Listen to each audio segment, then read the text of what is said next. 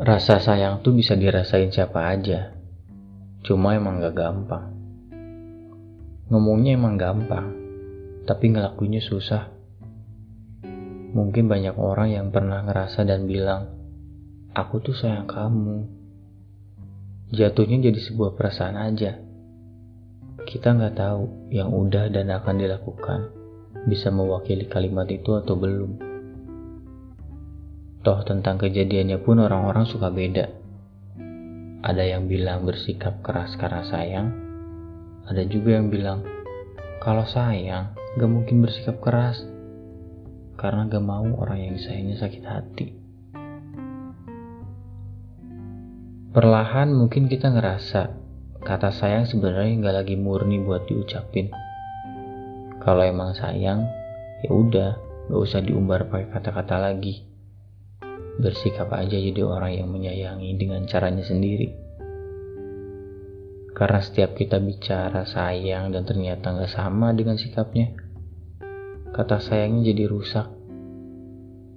Kelihatannya sederhana, cuma emang buat nunjukin sikap menyayangi gak mudah gitu aja. Ada orang yang sekedar nanya kabar, udah dianggap sayang.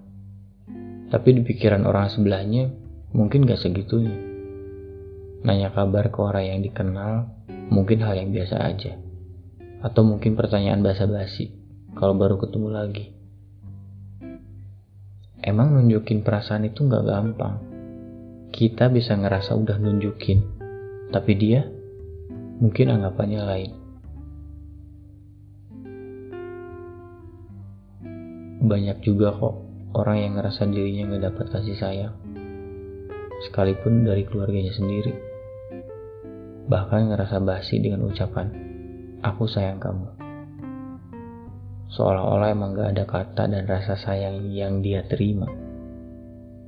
Meski sebenarnya hanya dia yang mampu memberi dan menerima kasih sayang itu dari dirinya sendiri. Tapi gak ada salahnya juga kok kalau kita butuh energi lain dari kasih sayang yang kita terima dari orang lain. Mungkin emang itu yang membuat nyaman dan semangat. Gak apa-apa. Tapi jadi orang yang membutuhkan rasa sayang secara terang-terangan pasti sulit. Karena gak akan selalu dapat hal itu setiap saat. Pasti bakal balik lagi ke awal saat dia kehilangan itu. Dan pasti dia ngalamin rasa hampa, hilang semangat yang berkali-kali dan itu pasti nyakitin. Pernah nggak kalian nangis sambil duduk dan megang bagian tubuh kalian dengan erat? Atau berusaha meluk diri sendiri, tapi kenyataannya susah. Sadar nggak sih?